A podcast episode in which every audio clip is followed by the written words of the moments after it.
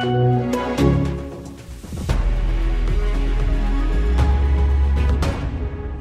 oppositie is kritisch op het doorstartkabinet Rutte 4. Met name over de bezuinigingen op de zorg. Het zijn dezelfde partijen, het zijn dezelfde mensen, het zijn dezelfde ideeën. Ja, die gaan natuurlijk echt niet nu opeens met de oplossingen komen voor de problemen die ze zelf veroorzaakt hebben. Neem de woningnood, neem het toeslagenschandaal, neem de crisis in de zorg. Sterker nog, dit kabinet kondigt dus gewoon even in deze tijd van corona een structurele bezuiniging van bijna 5 miljard euro op de zorg aan. De enige post waarop wordt bezuinigd, 5 miljard op de zorg, structureel. Dan verwacht je dat iedereen ziet wat voor problemen we nu in de zorg hebben.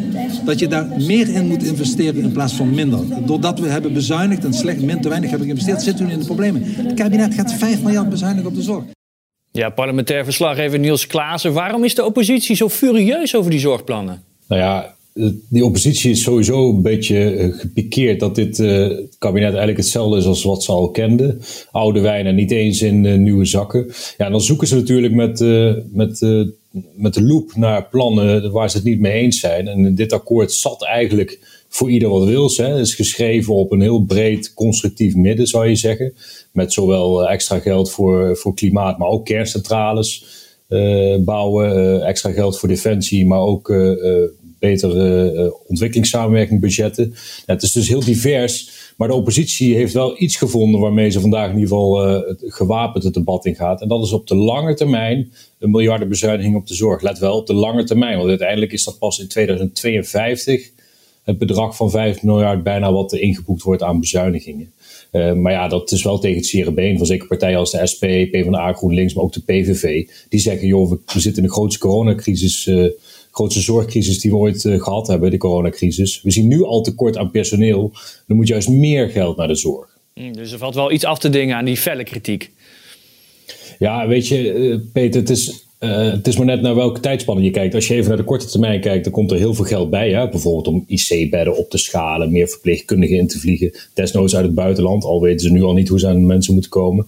Uh, betere arbeidsomstandigheden, uh, flexibele coronavleugels in hospitalen. Daar is allemaal genoeg geld voor. Maar uiteindelijk in de lange termijn, en dat zeggen adviseurs van het kabinet al jaren in vuistdikke rapporten, is die zorg tamelijk onhoudbaar. En er gaat nu al bijna 90 miljard naar de uh, volksgezondheid. Dat is bijna een kwart van de rijksbegroting. En uh, de WRR heeft in het najaar nog berekend dat dat door zal groeien hè, met miljarden. Dus uiteindelijk wordt die zorg zo groot, groot, groot, groot. Dan drukt hij alle andere kabinetsuitgaven eigenlijk naar de rand.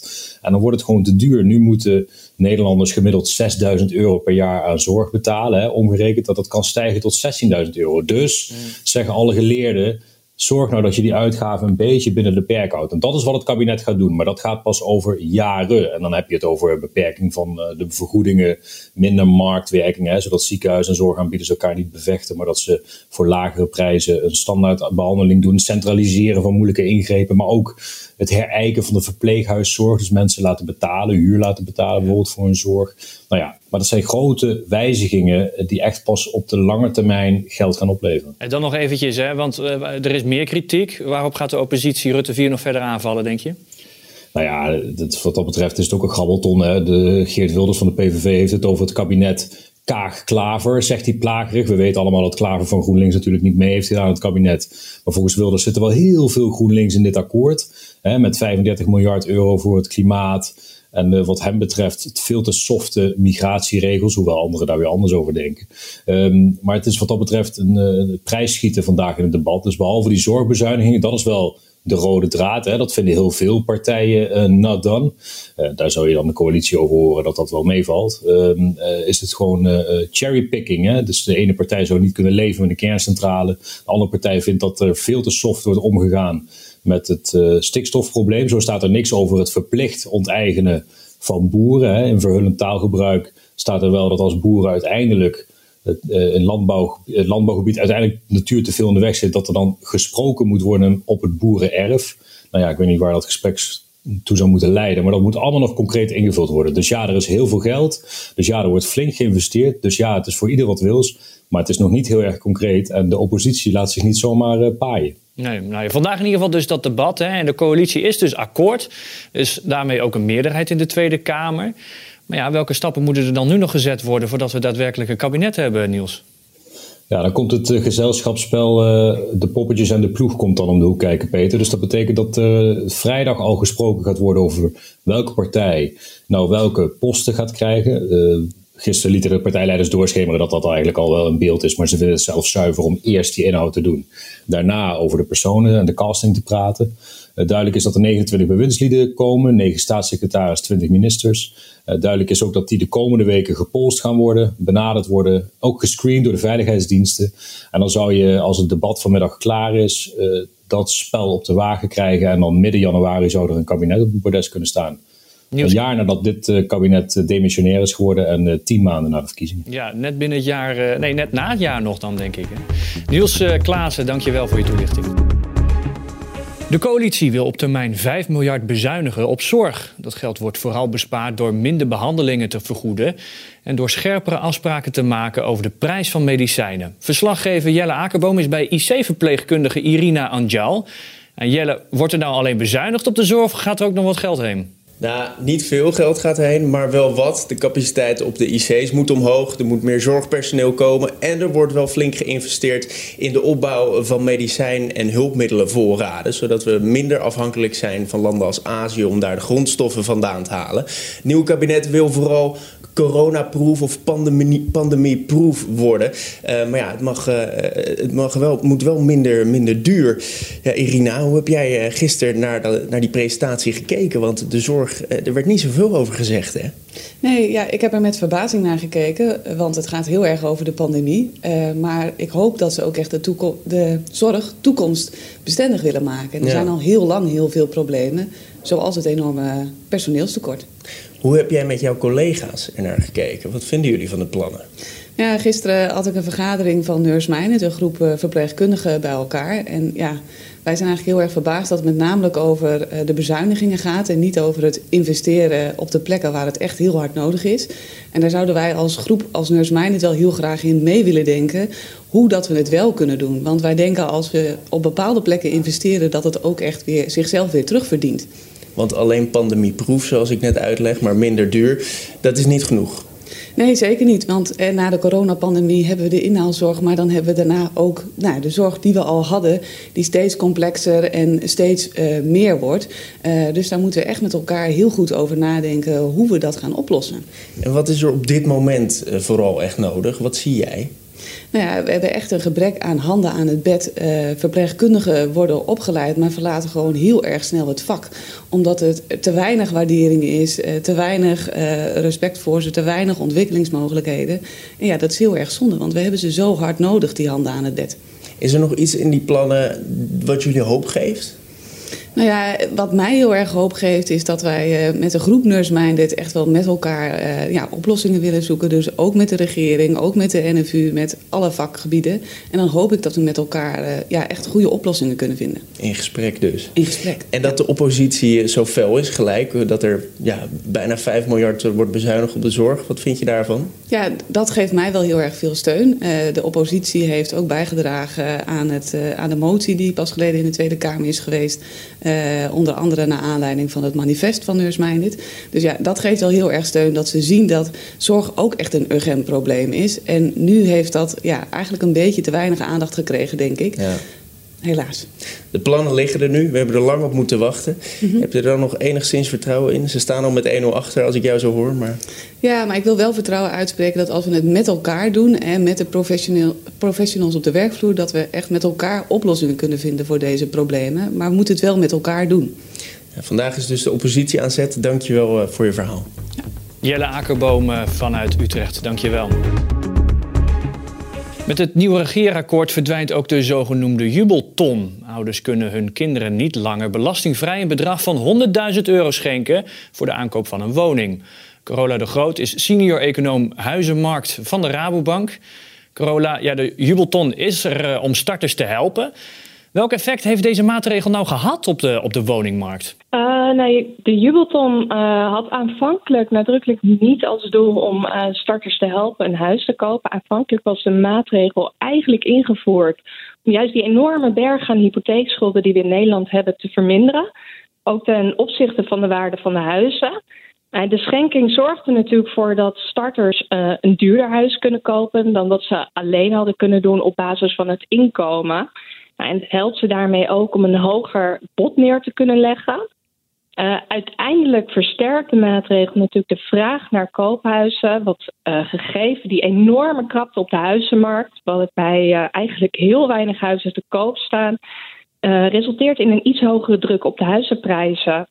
een ander effect is dat de maatregel ook nadrukkelijk bijdraagt aan een toenemende ongelijkheid tussen 40 minners. Wat bedoel je daarmee? Dus het zet eigenlijk, het zet eigenlijk de kinderen van vermogende ouders op voorsprong. Hmm. En dus ook dat het die huizenprijzen heeft gestuurd. Ja, wat, wat, eh, als, je, als je dat zo zegt, hè, wat gaat het dan betekenen als die jubelton wordt afgeschaft? Nou, als die jubelton wordt afgeschaft, dat betekent dat eigenlijk uh, de facto dat je gewoon weer belasting moet betalen over grote schenkingen. Maakt het waarschijnlijk ook voor ouders en grootouders minder aantrekkelijk om een heel groot uh, bedrag in één keer te schenken betekent mogelijkerwijs ook dus dat sommige jongvolwassenen dan uh, niet meer een, uh, dat huis kopen dat ze eigenlijk graag zouden willen kopen. En dat ze dus mogelijkerwijs gaan zoeken in een goedkoper prijssegment. Of ze moeten nog even afzien van de koop van een huis. Nou, uiteindelijk verwachten we dat het verdwijnen van de jubelton resulteert in een iets lagere druk op de huizenprijzen. Maar tegelijkertijd moet je daar ook weer niet al te veel van voorstellen. Want het gros van de huizenkopers, die koopt eigenlijk een huis zonder die jubelton. Ja, precies. En, en, en het tekort aan het aantal huizen blijft dus. Ja, heeft het afschaffen van die jubelton dan wel überhaupt zin? Nou, ik denk dat het wel een uh, hele goede stap is. Ook wat ik uh, zojuist zei, het zet eigenlijk het draagt de jubelton bij aan die toenemende ongelijkheid en toenemende tweeling die we zien in de maatschappij, ook als gevolg van uh, de problemen die op de woningmarkt. Uh, het zorgt heel erg voor een toenemende ongelijkheid onder 40 minners. Dus in dat opzicht vind ik het een hele goede stap. Uh, en daarnaast hè, ook uh, vraag uh, op stuwende maatregel die we kunnen slopen. Laten we die alsjeblieft wel slopen uit het systeem. Hmm. En nou zijn er veel meer maatregelen in dit coalitieakkoord om die woningnood aan te pakken. Er komt een minister van Volkshuisvesting en er wordt een verhuurdersheffing wordt afgeschaft. ja, wat, mhm. wat als, als econoom, wat verwacht je nou dat dit gaat betekenen dan voor die, voor die woningnood?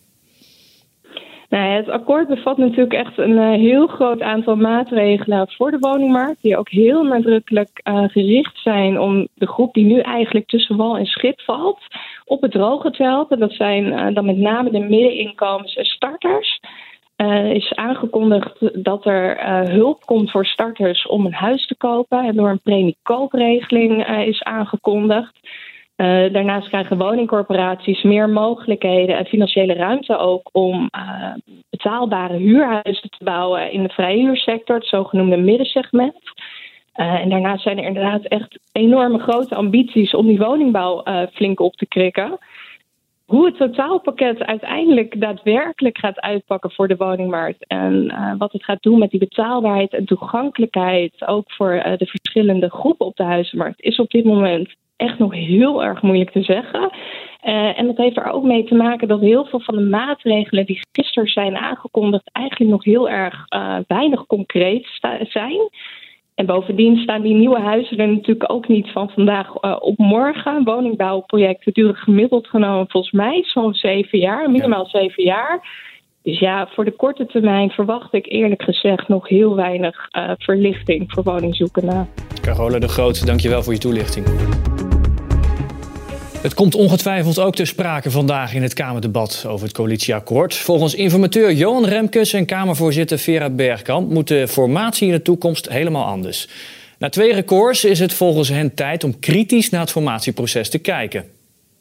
Hoe verklaarbaar alle redenen voor de lange duur ook zijn, opgeteld leidt het tot een situatie die het vertrouwen in de politiek niet heeft vergroot. Het is geen geheim dat ik ook van mening ben uh, dat als we kijken naar het gehele proces, dat dat sneller had gekund. En ook sneller had moeten zijn. Kijken naar de vraagstukken in Nederland. Als het stof straks is neergedaald, vraagt dat om een stevige evaluatie. Ja, Arco Timmermans, je bent hoogleraar Public Affairs aan de Universiteit Leiden. Hoe luister jij naar deze woorden? Ja. heel voorspelbaar. En we hebben het vaker gehoord. Ik denk, uh, willen we hier echt verandering in krijgen, vertrouwen in de politiek uh, en uh, een beetje voorwaarts bewegen van de partijen die een coalitie moeten maken.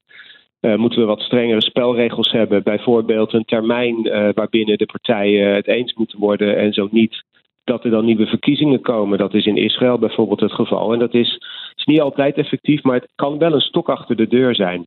Dus dat is één ding in ieder geval. Uh, we moeten niet gaan wachten op uh, de Tweede Kamer, want die is zelf natuurlijk heel erg verdeeld. Dus uh, strengere spelregels met een stok achter de deur. Dat zou mijn eerste advies zijn. Dus je bent het zeker wel eens met de kritiek van Remkes en Bergkamp? Ja, tuurlijk. Maar het zou raar zijn als ze hadden gezegd van... Uh, jammer dat we er niet nog een paar maanden bij hadden genomen. Hè. Het is een heel voorspelbare reactie. Iedereen kijkt mee. Uh, maar ja, dan moet je het uh, niet laten bij dit soort woorden of een evaluatierapportje. Want we hebben over de politieke, het politieke functioneren en uh, de kabinetsformaties en verkiezingen en noem maar op. Hebben we al zoveel adviezen gezien de afgelopen decennia. Maar meestal blijft het bij papier. Dus we moeten daar echt, echt een paar stevige stappen in maken om, uh, om de geloofwaardigheid van, uh, van dit spel en de spelers, uh, om die geloofwaardigheid te vergroten. Nou, want als we daar even over doorgaan, dan die geloofwaardigheid. Wat heeft het nou gedaan, dat lange proces met het vertrouwen in de politiek? Ja, kijk, vertrouwen in de politiek hangt natuurlijk van een heleboel dingen af. Uh, maar het is, uh, het, het is, er is onwil geweest, uh, er is ge gehandels geweest, er zijn affaires tussendoor gekomen die, die ook veel aandacht hebben getrokken. En alles bij elkaar verwacht je dan dat partijen, zeker in een periode waarin we een nieuw kabinet willen hebben vanwege de, de urgentie van de COVID-crisis en alles eromheen. Ja, dan verwachten mensen dat, uh, dat er een beetje wordt doorgepakt. En als partijen dan uh, elkaar uh, het leven zuur maken, dan maakt dat natuurlijk wel hele rare poppenkasten. dus om die reden moet je de partijen, denk ik, van buitenaf moet je ze dwingen om wat meer te bewegen naar elkaar toe en zo niet. Nou, dan kun je zeggen, dan, dan maar volgen nieuwe verkiezingen. Ja. Hey, en de coalitie heeft de mond vol van bestuurlijke vernieuwing en nieuw elan. Is dat er nou met dit akkoord ook echt gekomen volgens jou? nou ja, sommige dingen worden net de zorg. Daar zijn dingen of te weinig uh, naar voren gekomen of het blijft vaag. Uh, er was wel een voornemen hè, om het regeerakkoord niet dicht te timmeren. Maar ja, als je het bekijkt, dan is het best een lang regeerakkoord. Als je de financiële begrotingstoelichting erbij rekent, is het het, het, het twee na langste regeerakkoord sinds 1963. 50 pagina's, ja, en weet je ook, ja, woorden tellen. Maar weet je, kijk, het punt is, een nieuw elan kun je makkelijk uitspreken. Je kunt zeggen, we moeten een cultuuromslag hebben. Maar je moet het ook echt waarmaken. Nou, ik vind dat met uh, de lengte van dit regeerakkoord, daar is eerder over gezegd, dat wordt veel korter en beknopter.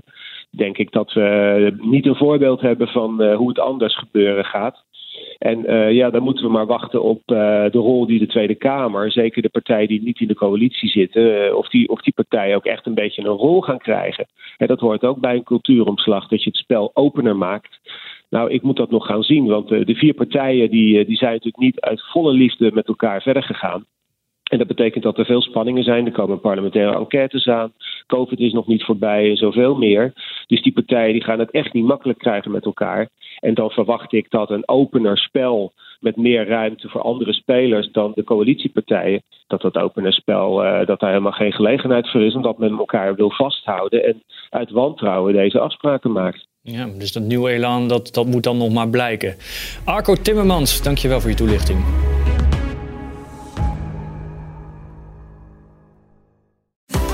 Van de elektrische bezorgwagentjes van Picnic en de elektrische fietsen van Van Moof tot de wereldveranderende missie van Tony Chocolonely. Welke inspirerende verhalen schuilen er achter deze succesvolle Nederlandse bedrijven? Dat was eigenlijk voor ons wel op een gegeven moment dat we dachten: hé, hey, wacht eens even. Dit kan wel eens heel groot worden als zoveel mensen in de testfase al enthousiast zijn. Toen ik het uiteindelijk gekocht heb, toen had ik me zo diep in de schulden gestoken dat ik echt ook het gevoel had van nu moet ik ook verdorie laten zien dat het werkt. In Sleutel tot Succes krijg je een kijkje achter de schermen bij het ontstaan van succesvolle Nederlandse bedrijven. Twee jaar geleden nog met grote moeite een lening los kon pulken van 5 miljoen. En nu haal je inderdaad relatief gemakkelijk 128 miljoen binnen. Ga mee op ontdekkingstocht en vind samen met mij, Hannelore Zwitserloot, die ene sleutel tot succes.